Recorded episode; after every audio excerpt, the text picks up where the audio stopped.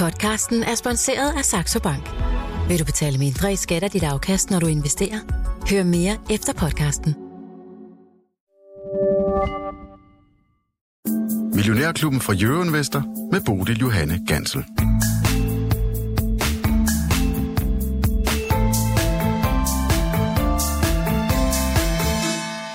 Næste uger byder på et kig ned under selskabernes kølerhjelm, både herhjemme og ude i den store verden. Så hvad kan vi egentlig vente og finde dernede? Det skal det handle om i Millionærklubben lige præcis i dag. Velkommen til jer, der lytter med derude, og velkommen til dagens panel. Lars Persson fra Aktierådet.dk og øh, porteføljeforvalter her i øh, klubben. Velkommen til dig. Tak, Bodil. Og til øh, Per Hansen, investeringsøkonom fra Nordnet. Tak fordi du vil komme, Per.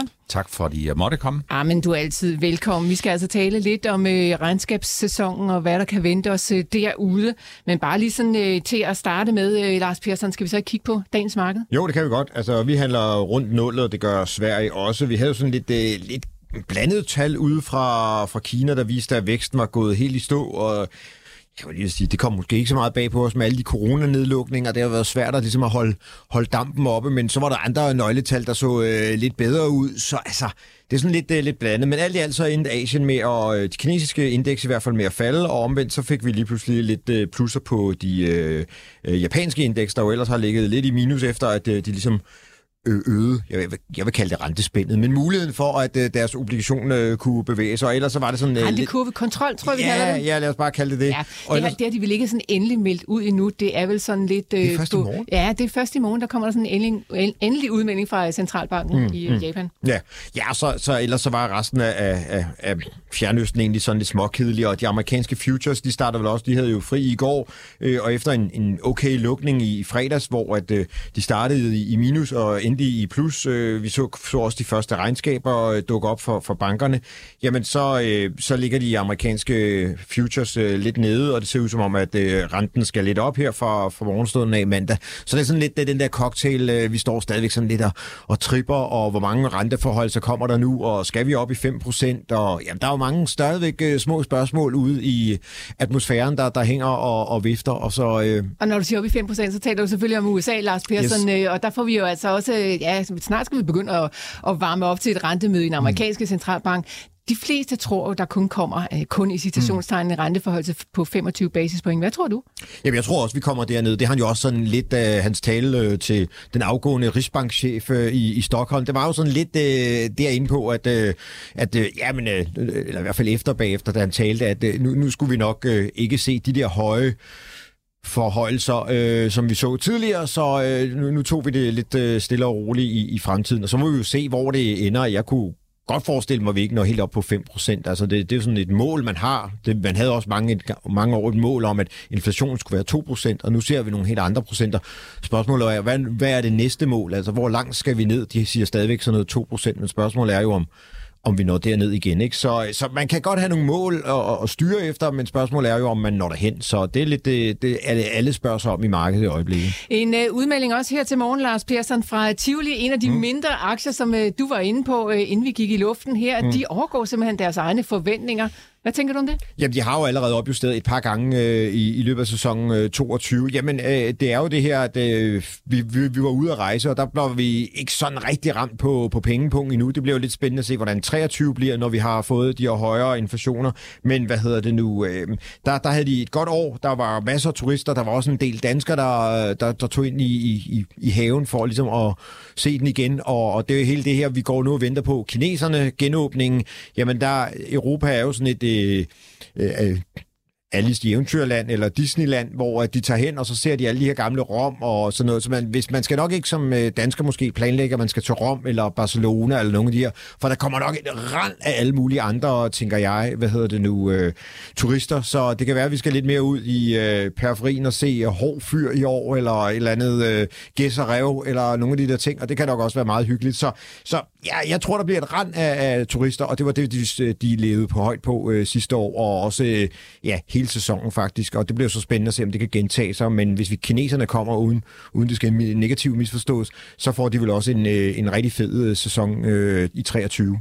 Per Hansen, Tivoli-aktien, er det en, som øh, jeres investorer over i Norden er interesseret i? Nej, det er det faktisk ikke. Altså, det er jo en aktie, som øh, har stor opmærksomhed, fordi alle kender varemærket, men investeringsmæssigt, der er det en lidt alternativ størrelse. Mm. Der var en gang, hvor man fik øh, gratis indgang, hvis man var aktionær. Gør man en stadigvæk det? Det ved jeg faktisk ikke. Nej, okay. Ved du det, Ja, det, det, man, man får et eller andet øh, kort, men problemet er jo med, med Tivoli-aktien, det burde jo egentlig være en folkeaktie, men udfordringen er jo, at det har jo altid ligget på faste hænder. En, en gang var det øh, Christian Augustinus øh, fabrikker, der ejede aktien med meget, og Carlsbergfonden var også inde over, og så solgte Carlsberg øh, nogle af aktierne, og jeg mener at stadigvæk, at, at tobaksgiganten øh, sidder på, øh, på en stor del af aktien. Så det er jo ikke sådan en, der er særlig meget frit flow i, og hvis man ser på, hvor mange aktier, der bliver handlet, jamen så er det sådan noget 747 i, i går. Altså, det er jo det er jo, det er jo pebernødder i forhold til øh, bare nogle af de andre aktier, så, så det er jo derfor, det ikke bliver sådan en, en aktie, vi, vi taler særlig meget om. Øh, det er bare egentlig igen den her lille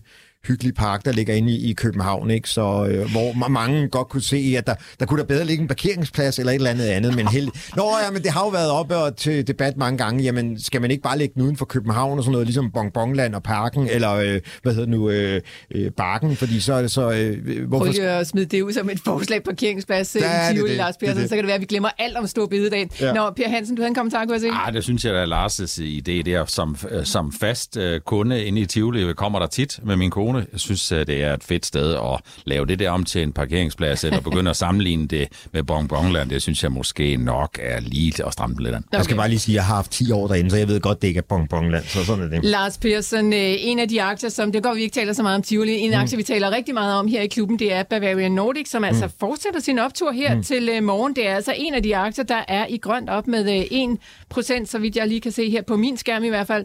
Uh, det var jo altså en aktie, der steg temmelig meget i går. Mm. Uh, var det ikke næsten 7%, at den var op med, og de var altså ude med øh, forløbig tal for 22-regnskabet. Det endelige regnskab, det lander først øh, anden i tredje, men de var altså ude at give en melding om, det går ufattelig godt. Mm. Hvad tænker du om det? Jamen, det har det jo også øh, gjort. Øh, der kom jo den her øh, abekoppe-ting, som øh, gjorde, at øh, de, de jo lige øh, rakt hånden op og sige, jamen det har vi da noget imod. Jamen ja tak, så vil vi da gerne have øh, en, et par doser af den. Og det var jo hele verden, der skulle have den, så øh, øh, maskinerne fik lov til at køre på overarbejde deroppe i, i Kvistgård. Øh, så, så det var jo en af grundene. Det, det skulle jo ellers være sådan et øh, lidt kedeligt år, hvor der skulle have været investeret voldsomt, eller det er der jo så blevet, der, men det skulle bundlinjen skulle have, have blødt en del, og det ser jo så ud til, at med den her øh, lige tilfældigt opstået sygdom øh, øh, udvikling, jamen så undgik man simpelthen hele det her, og aktien ser jo også øh, meget interessant ud, faktisk. Øh, den har lavet det, vi kalder en, en dobbeltbund, så, øh, og det er jo sådan en, hvor man siger, jamen så er det der bare øh, fire stjerner og på vej op, nej, og så er der også et gap oppe i niveauet omkring en øh, øh 340, og sådan nogle huller, øh, de skal lukkes over tid. Jeg siger, det, vi ved ikke noget om det bliver lige nu, men, men der er jo også rigtig mange spændende ting i, i pipelinen. Der er den her øh, RSV-vaccine, der kommer, som har jo været et problem for rigtig mange øh, børnefamilier, ikke bare i Danmark, men, men i, i hele verden, øh, at øh, vores små øh, puder har haft øh, lidt øh, hoste og øh, skulle lige have noget hjælp, og, og der står de med en vaccine. Der findes noget på markedet, men man kan nok godt bruge en til, og hvis den så er lidt bedre, jamen så, så har man jo en win-win. Og så er de jo stadigvæk i gang med deres coronavaccine, og ja, kvæg at... Øh, vi kan sige, måske er det ikke så voldsomt, eller vi lægger ikke så meget mærke til det i Danmark, men så kan man jo se, det er ude i Kina, og hvis vi så skal stikkes øh, stadigvæk øh, hver gang, lidt ligesom man gør øh, ved influenza, øh, når det bliver vinter, ligesom jeg blev i hvert fald, fordi jeg er blevet over de der 50, jamen så, så kan det jo godt være, at, øh, at der er en mulighed for dem også at sælge noget ind der, og så har de amerikanske myndigheder jo lige bedt dem om at lave øh, en ny øh, øh, vaccine mod øh, det her hestevirus øh, et eller andet, øh, som jo også giver lidt på bundlinjen. Så alt i alt, så har de jo en, en spændende forretning øh, kørende med også nogle øh, vacciner, som de så sælger, så de jo egentlig blev mere, fra det her biotech-selskab er det jo blevet mere et medicinalselskab, synes jeg faktisk. Bavarian i hvert fald oppe her til morgen nu mm. med halvanden procent. Øh, de ligger altså i den positive side sammen med Ørsted, Tryk, FL Schmidt og Novo Nordisk. Over i minussiden er der altså Royal Unibrew, Ambu, Demand og Jyske Bank, der blandt andet trækker aktieindekset ned. Vi handler rundt nålet, men altså til den øh, røde side. Det her, det er Millionærklubben fra Euroinvestor. Jeg har Lars Persson og Per Hansen med i studiet sidst i udsendelsen, der vi også til Otto Fridriksen for formuepleje for hans øh, ja, blik på de amerikanske regnskaber og den regnskabssæson, vi står foran lige der. Og så har jeg også en god nyhed til jer, der godt kan lide at komme ind og besøge os her i, øh, i huset, for vi laver nemlig endnu et øh, aftenarrangement. Vi laver flere aftenarrangementer i løbet af 2023, men det første, det er altså nu på beding. Man kan finde informationer om det inde på jurevester.dk-aftenarrangement.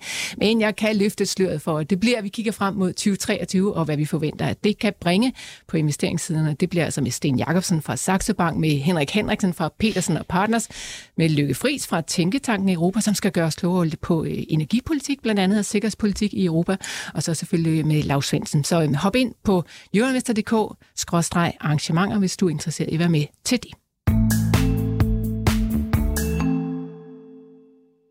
Vi ved ikke, hvor meget af din virksomhedstid, der går til indkøb til møder og frokost. Men vi ved, at det er tid, du ikke får igen. Hvis du lader nemlig erhverv stå for indkøbene, så får du mere tid til det, der betyder noget. Det kan vi vist alle bruge. Nemlig også til erhverv.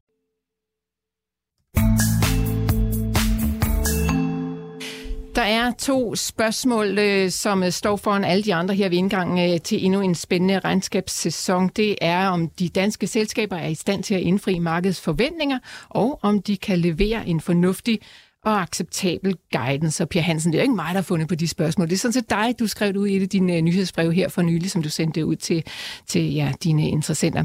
Så øh, lad os lige prøve at dykke øh, en lille bitte smule ned i dem. Og jeg ved godt, det er sådan svært at generalisere på alle de danske selskaber, sådan C25 over en kamp. Men skal vi ikke lige prøve sådan at se på, hvad det er, der rører sig, om de sådan står, står, står godt her foran regnskabssæsonen? Jamen, hvis vi skal starte med dem, hvor kursen har været en velsignelse, kursudvikling har været en velsignelse de sidste øh, 3, 4, 5 måneder, så er det der, hvor jeg umiddelbart ser den største risiko.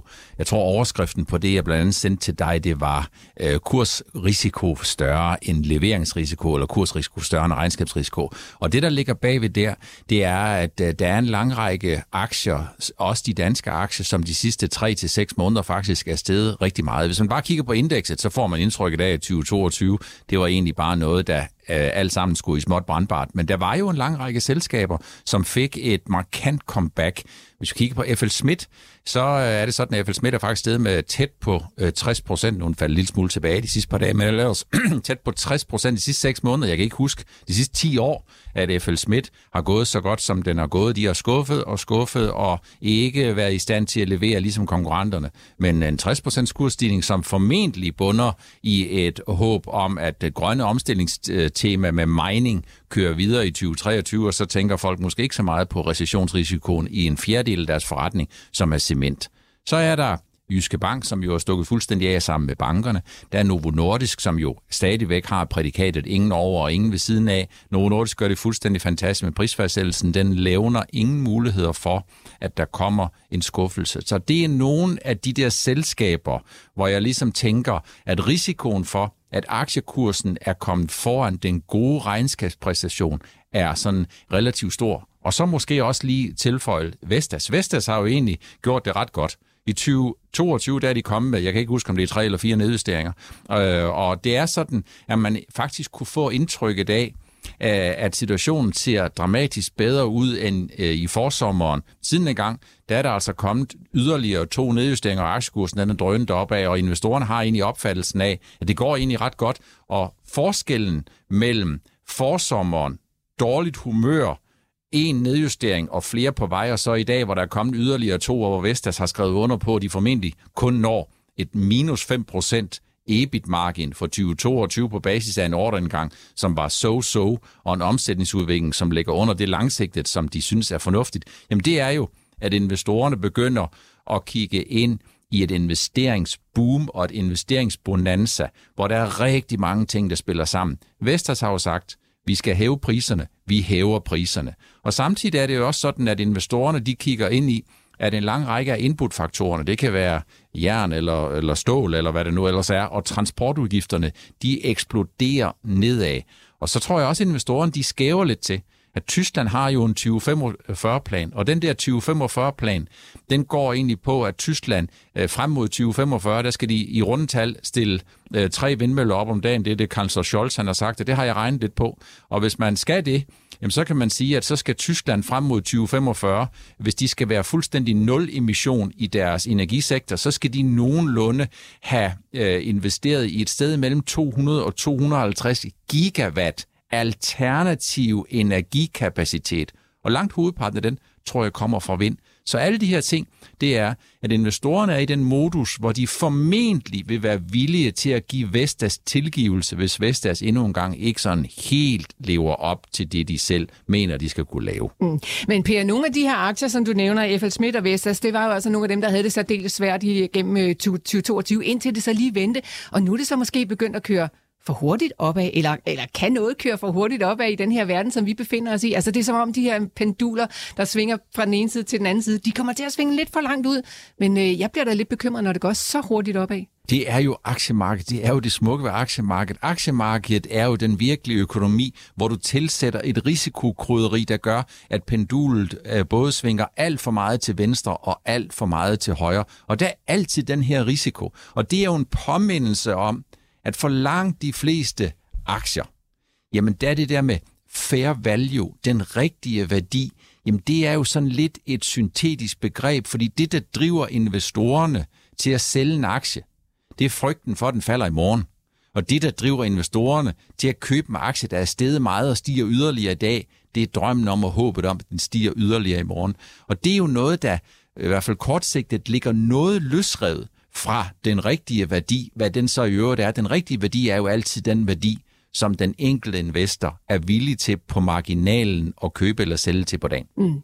Og nu hopper vi så direkte ned i øh, enkelte selskaber, men hvis vi kigger sådan på nogle af de kasser, som vi nogle gange godt kan lide at smide aktierne ned i, cykliske kontra defensive for eksempel, der er jo mange, der har stået og talt om, at det er ikke et tidspunkt at ligge i cykliske aktier. Nu skal vi altså være over i det defensive, vi skal passe lidt mere på. Du nævner sådan begge dele. Du nævner både øh, Novo, som vil er defensivt, og så nævner du sådan noget som øh, FL Schmidt, som vil ligge over den cykliske boldgade.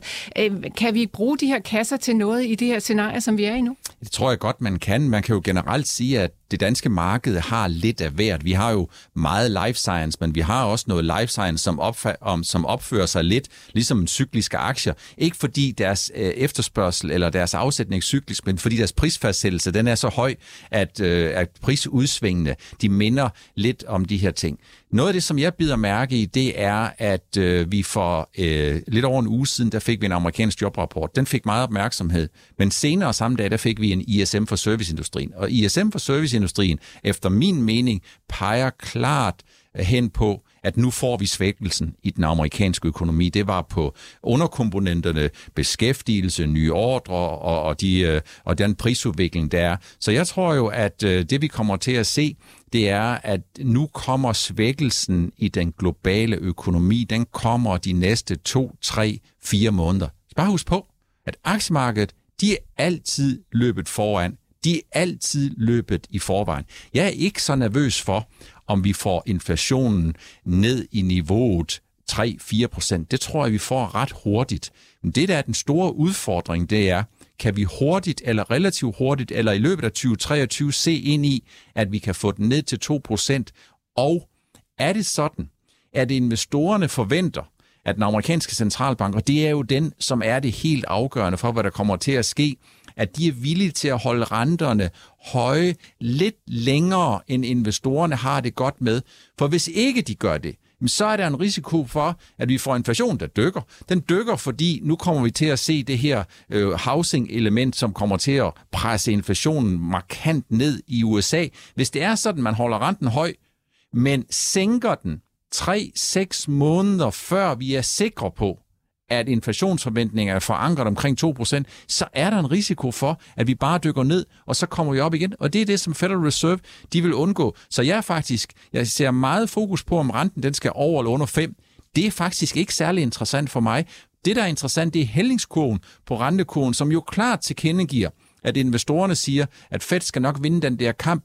Det jeg er lidt nervøs for, det er om investorerne regner med, at Fed begynder at sænke, før Fed er klar til at sænke. Det er det, som jeg ser som en risiko. Og så kommer svækkelsen i økonomien, den tror jeg, den kommer i løbet af de næste 3-4 måneder, og det er det, som investorerne begynder at indstille sig på. Jeg er meget komfortabel ultimo 2023. Hvad, hvad der sker de kommende 2-3 måneder, det er jeg noget mere usikker på. Jamen Per, er du, altså, hvordan har du det med Fed? Og, altså, har de en sikker hånd på det ret, der handler om, at de kan styre os alle sammen godt igennem øh, de næste ja, 6, måske 12 måneder? Nej, det har de ikke. Mm. Og når, de ikke, når jeg siger det så kategorisk, så er det jo fordi, jeg tror, man skal tage deres kommunikation lidt med et grænsalt.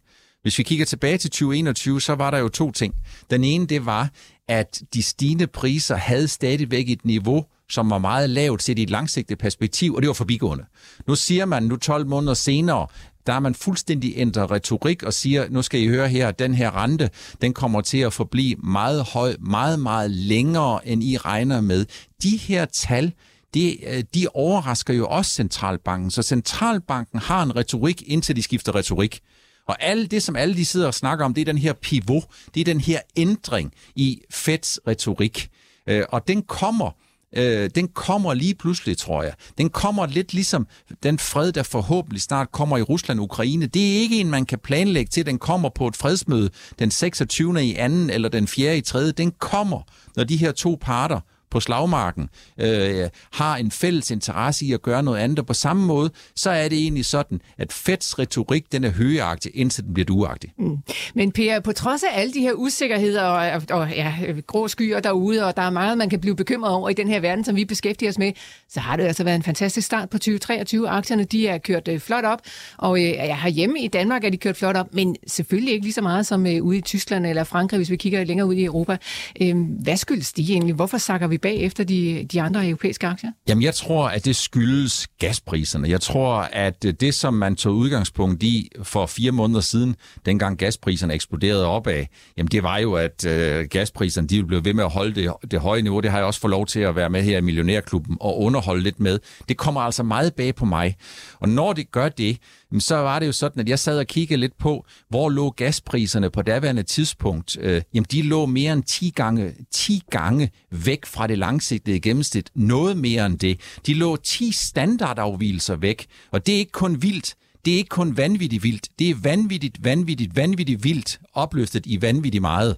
Så det mest sandsynlige, det er, at der jo er en efterspørgselsdestruktion. Man forsøger at finde alternativer, og så er det også sådan, at jeg hørte meget ofte det der argument blev brugt i sensommeren. Jamen hvad nu, hvis det bliver en, en kold vinter? Jamen, jamen, det er jo for mig, der er det jo totalt fatamorgane, for de sidste 10 år har man ikke snakket andet om global opvarmning. Og global opvarmning, der er det altså sådan, at sandsynligheden for, at du oplever en varm vinter, som med en temperatur, som ligger over det langsigtede normale, er væsentligt større end sandsynligt for, at du får en meget kold vinter. Og på den måde, så har vi egentlig fået tilpasningen. Og det er den tilpasning, der gør, at i stedet for at betale 2 eller 300 euro per, mega, per, per kubikmeter øh, gas, eller hvad det nu er for en måleenhed, de er i, så er vi lige pludselig nede i noget, der ligner 50-60, som jo stadigvæk er højt. Det er stadigvæk tre gange det langsigtede gennemsnit, men det er dramatisk lavere end det risikoscenarie, man så ind i. De eneste, som jeg ligesom har set, der har dummet sig, det har formentlig været britterne, som, tror jeg, har købt ind på forward-kurven, som jo indikerede, at gaspriserne skulle stige yderligere. Hvad betyder det?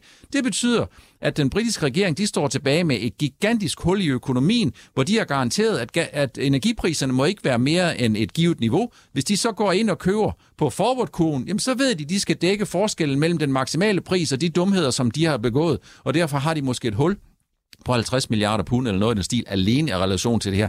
Forward-priserne tager altid fejl. Jeg mm. gentager bare forwardpriserne, de tager altid fra ja. fejl. Og det er, tror jeg, øh, gasprisernes nedtur, som jo har haft et tryk også på elektricitetspriserne, fordi husk nu på, at elektricitetspriserne de bliver fastsat med den prisen på den marginale udbud. Det er det, der gør, at Europa formentlig kommer bedre ud end det risikoscenarie, som der var nogen, der så ind i for en 4-5 måneder siden. Og rent konkret, så har Goldman Sachs løftet sine forventninger til europæisk vækst fra minus en halv procent til lige over nulpunktet med udgangspunkt i, at det ser ud som om, at forbrugerne holder godt fast, og energipriserne falder meget. Ah, vi kommer langt omkring. Det er mega fedt, Per. Men øh, lad os lige vende tilbage til regnskabssæsonen. Så i hele det her miljø, vi så befinder os i nu, og med alt det, vi i hvert fald ved her sådan en tirsdag morgen, hvad kan vi så forvente at se øh, fra de her danske regnskaber, som jeg altså kommer til at lande her det næste stykke tid? Er der en rød tråd, eller er det øh, blandet bolcher i alle retninger? Jeg tror, hvis vi kigger på historien, så er det blandet bolcher. Mm. Hvis vi kigger på gennemsnittet, jamen så skal det nok gå fint. Det gør det jo stort set altid for de danske selskaber, men det er, historien er jo i det enkelte selskabs præstationer og guidance. Det er jo i, om kursudviklingen i FL Schmidt er på forventet efterbevilling, eller om GN Store Nord er presset så meget i bund, at der ikke kommer flere dårligdom. Hvis vi kigger på GN Store Nord, så var det sådan, at for en uge siden, der kom Logitech, Logitech de kom med den anden nedjustering. Aktiekursen den eksploderer nedad. Hvis du kigger på aktiekursen i dag, så er den nogenlunde der, hvor den var før Logitechs øh, nedjustering de kom. Og det kunne måske indikere, at selvom GN Store Nord, og jeg ved ikke, om folk skal købe eller sælge GN Store Nord, men selvom GN Store Nord kommer igen med nogle halvsvage øh, tal, og det ved jeg ikke, om de gør, øh, at, at en del af de der dårligdomme, det er øh, priset ind i en aktiekurs, der er faldet med to tredjedel eller mere øh, fra de topnoteringer, som vi så for 12-15 måneder siden. Så dem, der er presset, der er aktiekursen presset.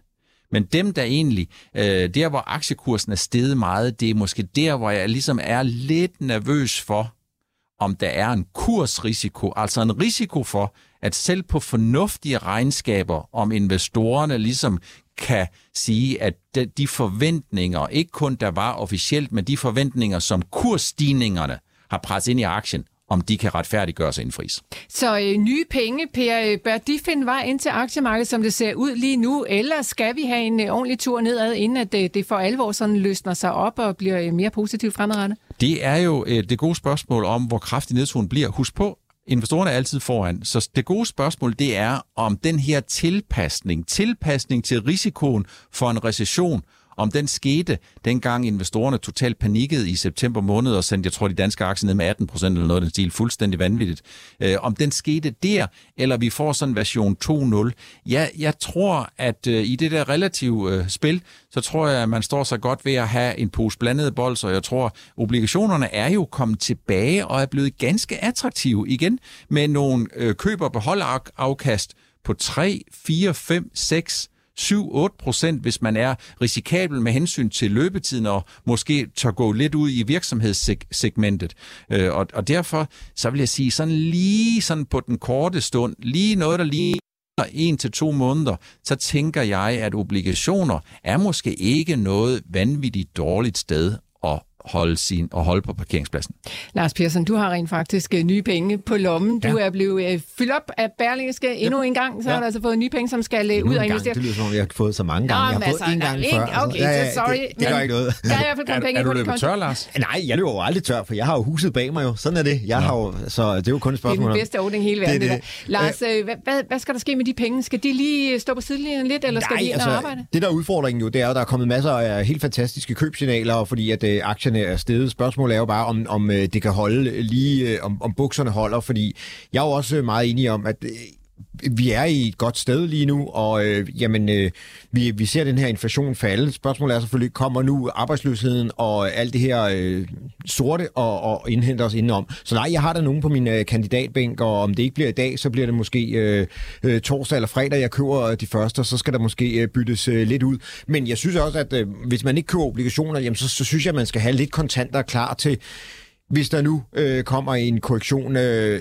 når jeg har kigget på korrektionerne, så er der de her øh, bull traps, altså markedet, man tror, markedet skal op, og så, så falder det faktisk. Og når jeg kiggede både på øh, ved IT-boblen og ved finanskrisen, så havde man som regel øh, en, en tre stykker, og vi har kun haft to den her gang. Og det, der er det lidt irriterende nu den her gang ved, ved situationen, det er, at vi har stigende bunde, men vi er ikke kommet på S&P 500, og, og øh, hvis vi nu tager dem som øh, det pålydende, og det er den, der er, skal lede os, ledestjernen, øh, jamen det, der er vi ikke kommet op over toppen endnu. Altså vi har stigende bunde, men vi er ikke kommet op over den sidste top, og det er sådan lidt øvbøv. Kigger man så øh, lidt på, hvad, hvordan det går i Europa, hvor vi måske netop panikket for meget og havde den her gaspris, der ødelagde det hele, jamen så har vi fået gassen ned, og nu skal vi også have elpriserne yderligere ned. Så, så der har vi måske sådan lidt sweet spot, og igen, som jeg ser det, så kan hele vores turistindustri måske få et, et, øh, et ekstra løft øh, fra, at øh, vi får nogle øh, kineser, der har lommerne fyldt med øh, euros, fordi at de har siddet øh, hjemme i øh, Peking eller øh, Shanghai, eller hvor de nu har siddet, ingen er lukket i, i lang tid, og nu vil de gerne ud og bruge nogle penge. Og de elsker jo vores øh, luksusbrands, så på den måde har vi egentlig måske en, en fordel øh, på øh, den korte bane, i hvert fald sådan som jeg ser det. Så måske er det værre hen i efteråret, hvor, jamen, hvordan ser det så ud der, når vi kommer hen i september-oktober måned? Det, må, det er jo den Jamen, det kan altid blive værre. Det, det, det kan også blive bedre. Det, jamen, altså, det er der, hvor jeg sådan tænker, når man, øh, hvor, hvor er vi så arbejdsløshedsmæssigt? Kommer vi til at falde ud af, af sengen der? Og, og det, det er det eneste, jeg sådan tænker på. Ja, men Per han markerer, at du kan lige finde en stor nu, for jeg vil yes. gerne lige have en teknisk analyse af den også. Ja. Per, øh, hvad havde du af kommentar? Jamen, jeg synes, uh, arbejds, arbejdsløsheden, det er jo altid trist, når der er en, der mister sit arbejde. Sådan er det jo. Uh, så det er ikke for at forklare det. Men, men man skal bare huske på, at vi har altså i Europa, og især i Danmark, der har vi overbeskæftigelse. Vismændene har sagt, at vi har cirka 100.000 mere i beskæftigelse, end man sådan kan, kan, kan begrunde i forhold til en lang række ting. Arbejdsløsheden kommer til at stige. Vi kan slet ikke leve uden det, og det er ikke fordi, jeg ønsker nogen, de skal have, blive arbejdsløse overhovedet, men det er fordi en økonomi, hvor der ikke er tilstrækkeligt med arbejdskraft øh, til rådighed, det er altså langsigtet en meget, meget stor udfordring for den potentielle vækstrate og for pres og pr- på pris- og inputfaktorer faktorerne. Og sådan er det hele vejen rundt. Så øh, jeg hører meget af det der. Husk bare på, arbejdsmarkedet er notorisk altid 3-6 måneder bagefter økonomien. Aktiemarkedet er 3-6 måneder foran økonomien. Mm. Så hvis man sidder og kigger på arbejdsmarkedet og tænker på, at man får en indikator for, hvad aktiemarkedet skal, så er det altså sådan lidt ligesom, mens du sidder og venter på Godot ved busstoppestedet. Så er løbet kørt. Så er Godot altså Ja, der kommer ikke. Øh, Lars Persson, ja. lad os vende tilbage til GN Store Nord, for det er jo altså en af de aktier, der i den grad blev øh, savet over i 2022, og øh, der er flere øh, analytikere og strateger, der er ude at tale om, at den er nu er jo altså en oplagt opkøbskandidat. Hmm. Hvad tænker du om den rent teknisk?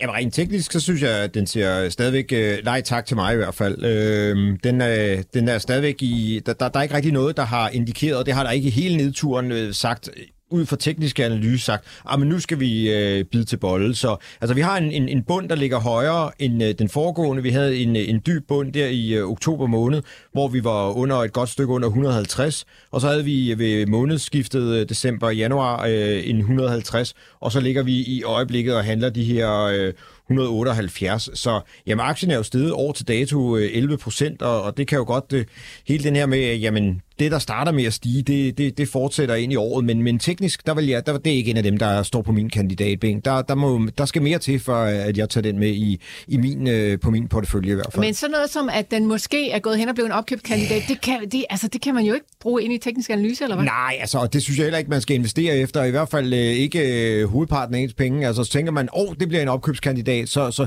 så synes jeg, at øh, jamen, det kan da godt være, men chancen for, at det bliver det, ja, det har jeg hørt om mange aktier i, i løbet af, af min øh, øh ja, tid på, på børsen, eller øh, sidde som øh, analytiker og rådgiver, og, og nogle er aldrig blevet det til, og andre, de, de, de var, de, de kom så i mål. Så nej, jeg synes ikke, man skal sidde og, og tro, at noget bliver øh, en opkøbskandidat. Altså, det, det er i hvert fald ikke noget, man skal handle efter. Nej, og de data, som du kigger på, det er jo at, øh, de historiske data selvfølgelig, mm. som uh, ligger bag dine tekniske analyser. Per, er en Stor Nord en, en oplagt opkøbskandidat? Nej, det er det ikke. Det er en opkøbskandidat, men det er ikke nogen oplagt opkøbskandidat. Når det ikke er det, så er det fordi, at uanset hvad det er for en af de andre i industrien, inden for høreapparater eller inden for headsets, der ønsker eventuelt at lægge sig sammen med GN, så vil det kræve, at myndighederne de viser sig fra den venlige side, konkurrencemyndighederne, historien den viser, at det bliver svært. Hvis vi kigger 15 år tilbage, så tror jeg, det var det, som øh, Sonova hed det vist dengang, øh, som, øh, som ville gå sammen med GN. Det blokerede øh, konkurrencemyndighederne i Tyskland. Vi har set at aktien er blevet bagstoppet af, at VDI, William Dement Invest, har købt 10%. Og grunden til, at de køber 10%, det er, at de ønsker at forsvare Demands position i høreapparatsindustrien.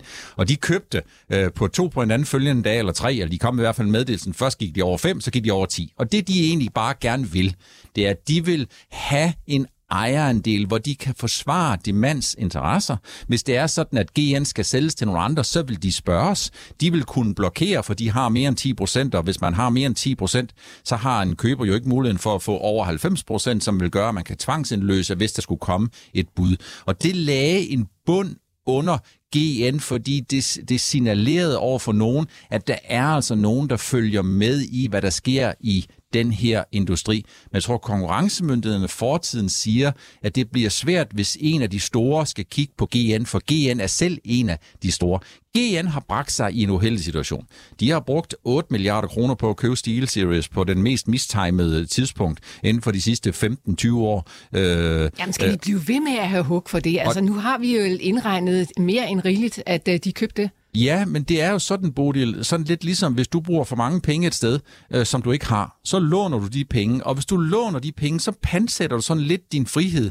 Og det er jo ikke fordi, jeg siger, at GN ikke kan servicere den gæld, de har, men der er altså noget gæld, som skal refinansieres, så den gæld i forhold til indtjening, det er jo det, der er to udfordringer. Den ene, det er, at gælden er relativt høj, og prisen på den gæld, den er, den er relativt, altså det er relativt dyrt at have den der gæld, og indtjeningen, den er lidt for lav set i forhold til, hvor den burde være. Og det gør jo, at investorerne de siger, at der er en betydelig risikopræmie for GN. GN har de med under store kriser og bevæger sig rigtig, rigtig meget. Hvis man kigger tilbage til finanskrisen i 2008, så vil man også kunne huske, hvordan den fik et ordentligt drøn nedad. Den kom heldigvis igen, og det kan man jo håbe på, at det sker igen. Jeg tror, det er et opkøbsmål. Jeg tror, det er sandsynligheden for, at GN ender med at blive opkøbt med historien en mente, med GN's størrelse, med VDI's positionering og forskellige andre ting, så tror jeg, at det håb for dem, der satser på det, er mindre end det, de regner med. Mm. Øh, vi skal til at have Otto med på telefon. Men lige et sidste spørgsmål om GN, Per Hansen. Øh, altså, kunne man forestille sig, at det blev en helt anden markedsdeltager? Altså, nogen, der laver noget helt andet end høreapparater, som samler dem op? Altså, nogle af de store tech-selskaber i for eksempel USA eller Kina? Ah, det, det, altså, hvis man har en tilstrækkelig god fantasi, så kan man forestille sig hvad som helst. Øh, det, det, det tror jeg lidt mindre på, men man kunne godt forestille sig, at der er nogen, der kommer ligesom og siger, at nu vil jeg måske købe en af de aktiviteter, I har, det er jo i al væsentlighed, så er det jo enten headsets, eller også er det høreapparater, er nogen, der vil købe en af de her aktiviteter ud på en eller anden måde. Jeg tror stadigvæk på, at sandsynligheden for det, den er lidt mindre, end folk de regner med i det generelle tilfælde. Og nu skal I tage headset på, fordi vi har nemlig fået øh, Otto Fridriksen med på telefonen. Godmorgen og velkommen til, Otto. Godmorgen, tak for det, Bodil. Aktiechef i uh, Formupleje. Otto, jeg ringer til dig, fordi vi lige skal tale lidt om uh, de udenlandske regnskaber. Vi står altså også, uh, vi er gået i gang med den amerikanske regnskabssæson. Mm. Der kom masser af bankregnskaber i fredags, og Lav han stod her i studiet i går og sagde, at han kan slet ikke bruge dem til noget som helst. Kan du bruge dem til en eller anden, en eller anden fornemmelse af, hvad der kommer til at ske fremad? Jeg synes ikke, man skal afskrive den i hvert fald. Det er klart, at øh, bankerne, amerikanske banker, øh, er lidt forskellige på tværs af, af navnene. Altså, der er jo nogle selskaber, som er mere sådan en klassisk bank. Der er nogle af de selskaber, der er rapporteret her i, i, i fredags, også dem, der kommer i dag, er mere investeringsbank, altså har andre aktiviteter end den klassiske bankforretning. Men, men det, jeg synes, som, som jeg tager med fra regnskabet i hvert fald, det er i høj grad, at banker øh, og, og generelt øh, både investeringsbanker og traditionelle banker er et spejl af økonomien, de opererer i, så det er en temperaturmåling på øh, amerikansk økonomi. Og det, jeg særligt lægger mærke til, synes jeg, det er øh, deres forventninger. Hvad er det, bankerne kommer til at forvente herfra i forhold til kilderne, indtjeningskilderne eller, eller omsætningskilderne i forhold til øh, de kommende kvartaler. Altså, hvad, hvad viste den temperaturmåling så, Otto? Ja, men hvis vi ser på, på et, den, den, den klassiske bankforretning, altså det, der hedder netto renteindtægter, det man låner til en rente og, og låner pengene ud til en forbruger til en anden rente, øh, det har jo virkelig været fremgang i kølvandet på de her rentestigninger, vi har set igennem en, øh, ja, faktisk gennem øh, en længere periode siden øh, oktober-november øh, sidste år, for i bliver øh, og, og det er klart, det har understøttet øh, bankernes klassiske indtjeningskilde i netto og, øh, og samlet set her gående ind i regnskabssæsonen, så regner analytikerne med, at, at den post alene kommer til at vise en fremgang på cirka 30 procent. Og det var egentlig også det, der har bekræftet i tallene både fra JP Morgan og nogle af de andre, at, at der har været en ret kraftig fremgang i nettorenteindtægterne.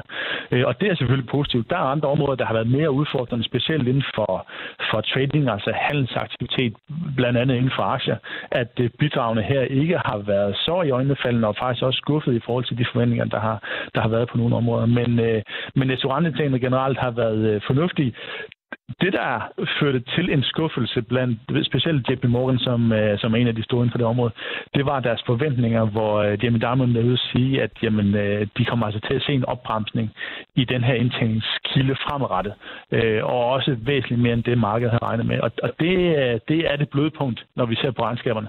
Øh, og egentlig også det, der blev afspejlet i kursperformance, som egentlig var en, en ret negativ start på dagen, men, men over dagen faktisk formåede de at lukke øh, i, i positiv territorium de fleste af dem. Mm. Otto øh, Per Hansen er med mig i studiet. Han har lige en kommentar, kan jeg se.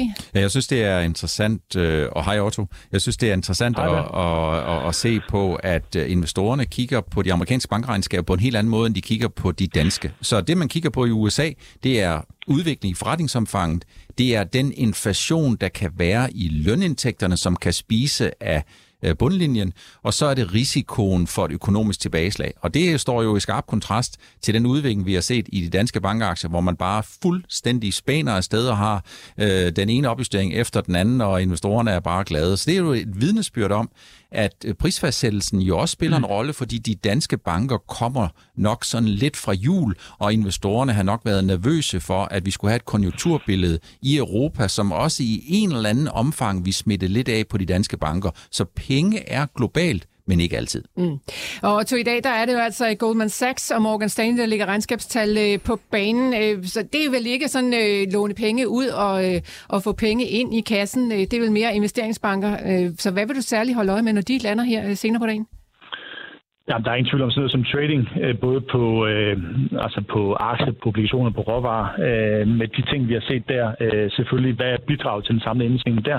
Øh, selvfølgelig inden for, for kapitalforvaltning, inden for M&A-aktiviteter, altså handel med virksomheder, børsintroduktioner, som jo er tørret fuldstændig ud øh, i kølvandet på, på de sidste øh, 12-18 måneder. Øh, så, så, så der er ingen tvivl om, at at øh, der er en forventningsdel, øh, der er en levering i forhold til den forventning, og så er det det langsigtede perspektiv. Og jeg er meget enig med, med, med Per i forhold til sådan opfattelsen af, af bankforretning, hvis vi, øh, hvis vi sådan taler bredt, så, så er bankerne jo mellem sådan et, et på den ene side en, en markant forbedring på deres klassiske øh, Øh, driftsparametre. Altså specielt det, at renterne nu er positive i Europa, og vi også i USA, i USA ser højere renter, giver dem mulighed for at tjene penge. Øh, og på den anden side, den vækstopbremsning, øh, den mulige recession, øh, som alt andet lige vil, øh, vil trykteste deres udlandsbog, risikoen i udlandsbogen, hensætte sig til konkurser. Øh, og vi må bare konstatere i forhold til de europæiske aktier, at jamen, dels at vi har en ekstraordinær varm øh, vinter, vi har nogle gaslager, der er bygget op, øh, og og, og kan imødegå i hvert fald den her vinter. Vi har et Kina, der, der åbner op, og den interaktion, der er med Europa, gør, at jamen, specielt risikoen på udlånsbogen synes at være blevet mindre, øh, og det er også, vi kan se i sig i, i øh, europæiske, europæiske aktiers øh, kursperformance de sidste, de sidste 2-3-4 måneder, øh, at det har haft en væsentlig indflydelse. Så, så den forbedring i, i driften på bankerne er det, der er fuldstændig omdrejningspunktet, også når vi ser de danske banker op. Så lad os brede debatten lidt længere ud end kun at forholde os til bankerne Otto, og jeg ved ikke, om det bliver sådan for generelt, men altså, hvad er dine forventninger generelt til regnskabssæsonen i USA? Jamen, når vi ser på øh, markedsforventninger, så er det, at øh, indtjeningen kommer til at bremse op i, øh, i Q4 22 her, øh, i forhold til, hvor vi var øh, for i år. Øh, så så øh, generelt et pres på indtjeningen. Øh, vi ser, eller har set faktisk en ret kraftig opbremsning i forventningerne, både i forhold til kvartalet, men også i forhold til hele året. Så, så en, en mere forsigtig tilgang, en forventning om, at tingene bremser op, og at vi faktisk kommer til at se en indtjeningsudvikling, der, der falder med, med, med 4% i Q4 year over year.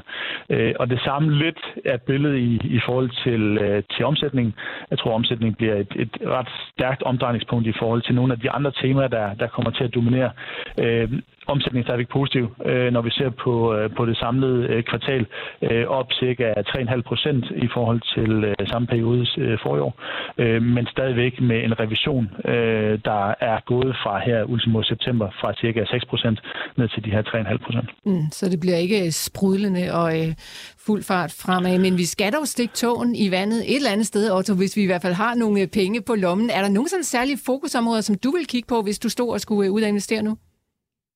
Jamen, jeg tror, øh, øh, i forhold til vores makrosyn og i forhold til vores tilgang til aktieinvestering, så mener jeg stadigvæk, at der er nogle betydelige usikkerhedsmomenter, man skal forholde sig til. Jeg tror også, øh, både investorernes og analytikernes fokuspunkter kommer til at koncentrere sig om den usikkerhed. Jeg nævnte det her med, med virksomhedernes forventninger kommer til at betyde en hel del. Det er sandsynligt, at de leverer øh, stærke tal i forhold til forventningerne på de rapporterede tal men det kommer altså til at dreje sig om, hvad forventerne virksomheden næste kvartal, øh, hvad forventer til hele 23, fordi det er omdrejningspunktet for øh, at adressere noget af den her usikkerhed.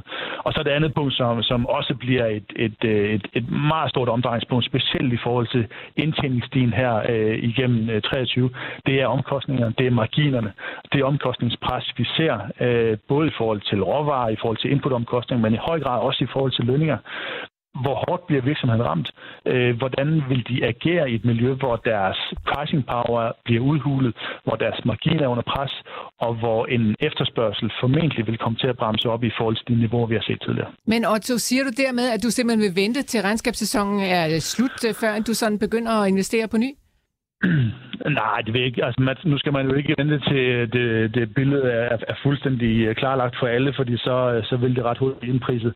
Men, men min tilgang er, at jeg tror, man stadigvæk skal være øh, ret forsigtig i forhold til øh, at tage øh, øh, hvad skal man sige, øh, konjunkturfølsomme selskaber og sektorer øh, og regne med, at, at den opbremsning, vi har set i indtjeningen indtil videre, at det vil være nok, hvis vi skulle ramme recession. Jeg mener ikke, når vi ser på 23-estimaterne på amerikanske aktier, at, at det har indarbejdet en recession i USA. Øh, ikke nødvendigvis, fordi vi har en holdning om, at det skal være en dyb, langvarig recession på ingen måde. Men jeg tror stadigvæk, at sandsynligheden for en, en væsentlig øh, vækstopbremsning er til stede. Øh, og øh, jeg mener ikke, det til fulde er afspejlet i øh, de indtægtsforventninger, som, som markedet har til 23. Hvor hvis vi bare ser på analytikernes estimat, så regner man stadigvæk med en, med en indtægtsfremgang i niveauet cirka 3 Per Hansen, øh, du rak fingeren i vejret. Havde du en kommentar? Jamen det er fordi, det er helt klassisk. Det er jo det relative forhold mellem, øh, hvor godt lavere renter vil være down the road, relativt til, om vi kommer til at stå, eller vi står umiddelbart foran en negativ indtjeningsrevision, hvor en lavere vækst skal afspejles i lavere indtjeningsforventninger. Så jeg er lidt nervøs for lige nøjagtigt det, som Otto han siger. At det handler ikke så meget om, den amerikanske økonomi den kommer til at vokse med minus 0,6 eller minus 0,3.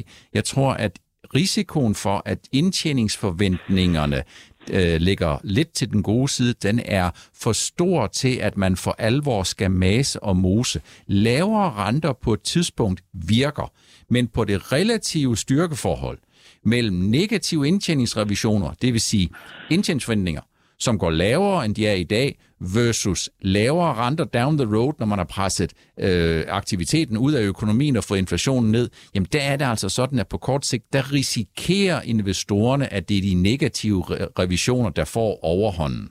Åh oh, ja, så freaking negativ at høre på. og til Frederiksen, har du ikke noget positivt, du kan stikke os her sådan tirsdag morgen? Er der ikke noget godt derude, som vi kan bruge til at investere ind i et eller andet spændende?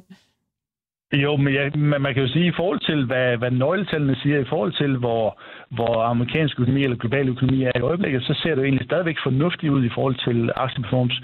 Vi har set på Europa, at den gode historie i, i forhold til Europa er jo mange af de øh, modvind, vi så igennem 22, og de øh, usikkerhedsmomenter, bekymringer, der var omkring europæisk økonomi, øh, og ikke mindst, øh, hvordan det blev afspejlet i risikoaktiver som, som aktier, som øh, kredit øh, øh, osv., at, at jamen, der er kommet medvind. Øh, den, den, den negative bidrag fra høje energipriser, som man frygtede i, øh, i Europa, det er faktisk blevet vendt, øh, og vi har nu gaspriser, som, som falder meget kraftigt. Mm. Øh, og så vil jeg også øh, fremhæve Kina, og men øh, øh, det er en, en, en meget voldsom måde, man melder sig tilbage igen i forhold til verdenssamfundet, og ikke mindst i forhold til, øh, til tilgangen omkring covid, så, øh, så øh, kan det over tid, eller vil det over tid have en positiv effekt, ikke kun for Europa, som er, er væsentligt tættere integreret med Kina end USA, men også øh, generelt set, at jamen, der er altså muligheden for, at, at du kan få en, en positiv vækstkomponent her.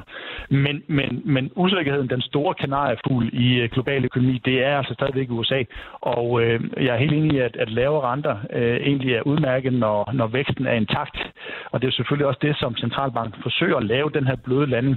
Vi må bare konstatere, når vi kigger på historikken, og når vi ser på, på de vækstparametre, som, som til stadighed popper op i amerikansk økonomi, at, at øh, det er, det er svært at se øh, i øjeblikket i hvert fald, at, at der ikke kommer en eller anden form for for effekt på arbejdsmarkedet, på amerikansk økonomi generelt, som vil øh, potentielt sende amerikanske vækst væsentligt lavere end det, vi ser i øjeblikket. Øh, og, og derfor er en lavere renter ikke nødvendigvis godt for aktier. Øh, det afhænger 100% af, hvad væksten kommer til at gøre. Øh, lykkes man med den bløde landing i USA, så, så tror jeg, at vi er ved at være der, hvor, hvor øh, indtjeningsrevisionerne øh, nok øh, bliver væsentligt mindre end det, man frygter, og derved også kan være en ganske god mulighed for aktier på længere sigt. Men, men problemstillingen er, hvis væksten bremser kraftigt op, og centralbanken i USA eller andre steder kommer til at sænke renterne kraftigt med udgangspunkt i at forsøge at afbøde vækstnedgangen så er vi altså ude i den klassiske hårde landing, hvor, hvor aktier og ikke mindst forventninger til aktieindtjening, som driver aktiekastet over, over perioder, øh, den er væsentligt mere udfordret. Ja, det er aldrig let at være investor på de globale aktiemarkeder. Og til Friedrichsen, vi slipper det der. Tusind tak, fordi du var med os her tirsdag morgen. Selv tak. Og hopper i øh, spørgsmålskassen. Øh, der er masser af jer, der har stillet spørgsmål ind på 42 42 03 21. Lad os lige prøve at tage et par stykker med. Blandt andet en lytter, der kalder sig øh, CV, som skriver, jeg vil gerne udfordre Per lidt på det med Tysklands energiomstilling. Flere siger, at Power-to-X bliver Tysklands fremtid. Det skulle efter sigende være mere effektivt end at transportere den form for el som øh, norske NEL øh, kunne i den forbindelse være interessant. Hvad tænker du om det, Per? NEL, det er vel brint, er det ikke det? Må man ikke håbe, det er for meget varm luft, kan man sige. Øh, jamen, jeg tror, der bliver plads til det hele. For hvis man kigger på Tysklands energitransformation, så bliver det jo fuldstændig vanvittigt, hvis man kigger på den. Det, det, en, det investeringsprogram, de skal have lavet frem mod 2045. Hvis de skal have øh, være nul emission på den der, jamen så bliver der øh, rigtig meget plads til brint, til PTX, til vind, så til sol, så bliver der faktisk medvind på alle cykelstier, øh, for så vidt angår det her ting. Så brint, det, jeg tror ikke, der er mange, der ligesom kigger på, det bliver den her, eller det bliver den der. Det bliver en myriade af mange forskellige ting, for det er jo sådan med energiforsyningen, at der er det godt også at tænke i porteføljer. Der er biogas, der er naturgas, der er noget olie, og så skal vi have faset noget af det der ud, så skal vi have mere sol, så skal vi have mere vind og alle de der ting. Men porteføljebetragtningen, den er faktisk også rigtig god, når man kigger inden for energisituationen, og den tror jeg også, man kommer til at forfølge. Så det bliver ikke et enten eller, det bliver et både og. Så der er plads til mange ting. Så hopper vi til øh, Åben Rå, hvor Jacob han sidder og kigger lidt på VIX. Han spørger, om I bruger VIX til noget. Den ligger meget lavt nu. Er det ikke en smule underligt? Varsler VIX bund en kortsigtet top i S&P 500. Øh, hvordan har I det med VIX først og fremmest? Er det noget, I sådan kigger meget på? Ja, det er der noget, jeg kigger på som en blandt flere stemningsindikatorer. Man skal huske på, at VIX er en god forklaringsvariabel, når den er i ekstremer.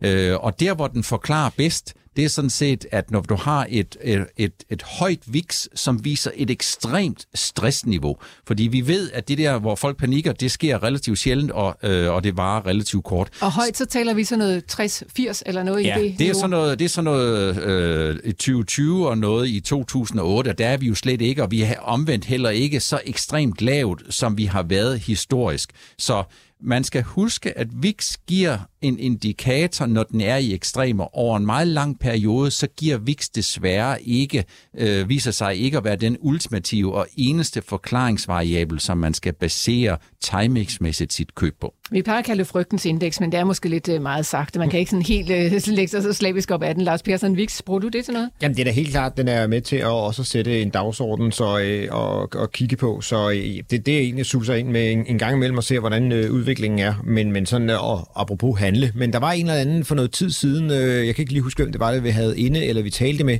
som ligesom havde set et mønster. Øh, det var Lars Skovgaard. Det var det, ja. ja. Øh, tak for det. Øh, som havde set et eller andet mønster, at når den var nede, og man troede, det så var det omvendt og sådan noget. Der, de havde i hvert fald siddet og, og lavet en, en dybere analyse over i, i Danske Bank, og så meget har jeg ikke øh, brugt den. Jeg ved, min forgænger her i Millionærklubben, Søren Advart, han sad jo og handlede lidt på den. Au, og, au. og, en, og en morgen, så var, øh, så var nogle af pengene væk, fordi at, så, så var den faldet tilbage. Så, så det er jo også en farlig indikator at sidde og spille på i hvert fald. Det er lidt øh, det vilde vesten derovre. Det er det. Nå, Lars Skovgaard, han kommer jo et på besøg i studiet i morgen, så der Nå. kan jeg jo lige spørge ham, om, Ja, ja, ja. ja. om han har noget nyt at tilføje ja. til den øh, del. Lars øh, Persson og Per Hansen, lad os vende tilbage til det aktuelle aktiemarked og prøve at finde ud af, hvad det er for en, øh, en dag, vi har derude. Vi er stadigvæk i rødt, så vidt jeg kan se. Ja, det er vi. Øh, og nu er vi endda gået hele Europa i rødt. Øh, det er jo fordi amerikanske futures ligger og hænger lidt øh, med næbet, og det kan godt være, at vi er kommet foran her i Europa. Så øh, det, det er jo okay, at vi tager os en, en lille puster, og øh, ja, men øh, ellers er der ikke... Vi, vi, vi, vi venter på regnskaberne. Hugo Boss er kommet i dag, hvor der var en, et bedre... Øh, de havde solgt mere, øh, og det har givet lidt til, til boost, øh, i hvert fald til at starte med. Ja, den er også op med næsten øh, 2,5 procent, eller den er op med 2,5 procent. Så altså, det ser ud som om, at vi stadigvæk øh, får købt nogle... Øh, ternede skjorter og øh, stribede øh, trøjer, så, øh, så sådan er det. Altså, så, så. Per gør i hvert fald, Ja. kan jeg se. Han Ja. har ternet skjorte på i dag. Jeg er jo en ternet mand, kan Ja, man sige. ja. Jeg er dog ikke en ternet ninja.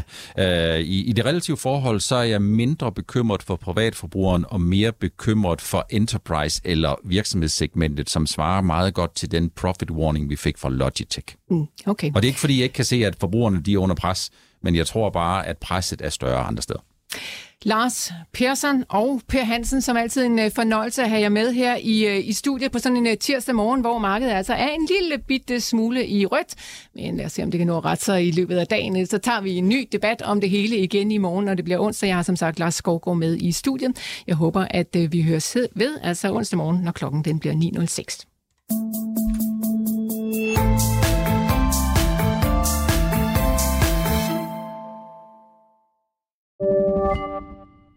Podcasten er sponsoreret af Saxo Bank.